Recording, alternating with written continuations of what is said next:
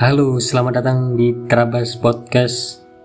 Setelah beberapa minggu vakum, gak kerasa kita berjumpa kembali di episode 11 ini. Di episode 11 ini saya mau bahas ya apa sih yang membuat kita agar apa sih yang apa saja yang membuat kita malas.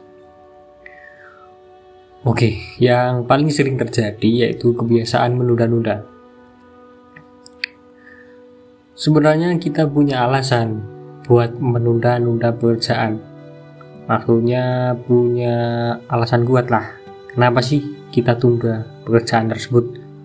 Ntar aja deh, besok aja deh, nanti aja deh.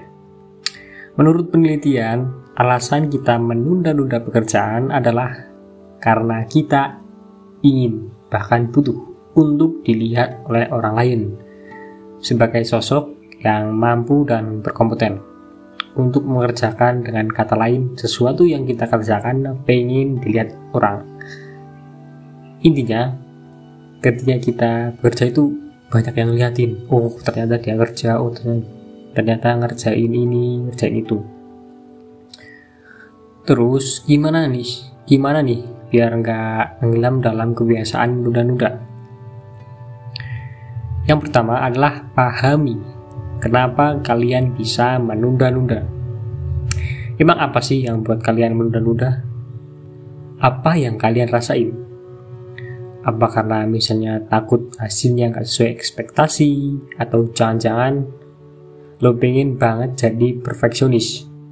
Akhirnya nunggu mood, nunggu waktu, dan akhirnya gak bisa lo kontrol sepenuhnya.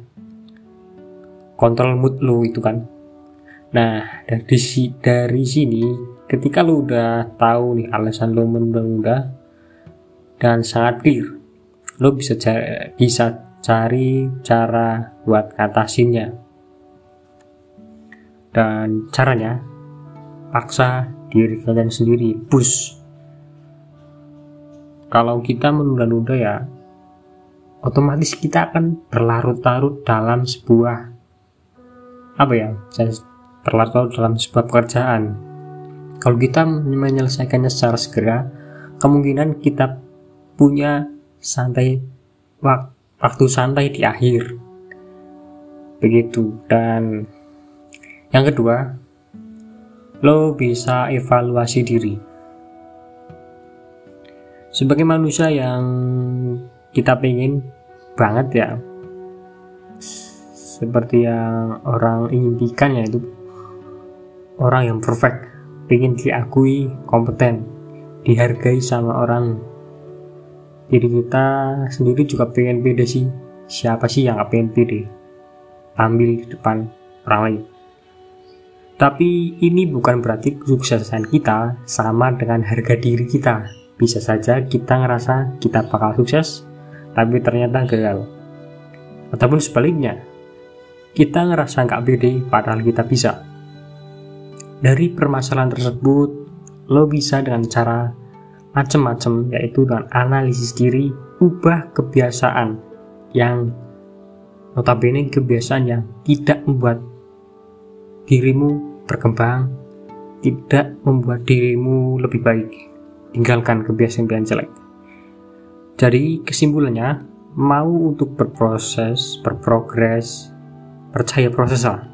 Dan ini akan bermudah lo ke depannya juga bisa mengurangi rasa takut akan kegagalan yang muncul pada diri lo. Dan akhir kata, lo bisa paham dan progres. Ini sering dialami oleh banyak orang dan ini bisa jadi karena masalah worth lo secara nggak sadar rasa nggak mampu dan akhirnya lo kabur dari sebuah permasalahan sebuah pekerjaan sebuah apa pun yang ada di hadapan kalian. So mari kita belajar menghargai diri selalu percaya proses dan berprogres dan buang kebiasaan jelek. And see you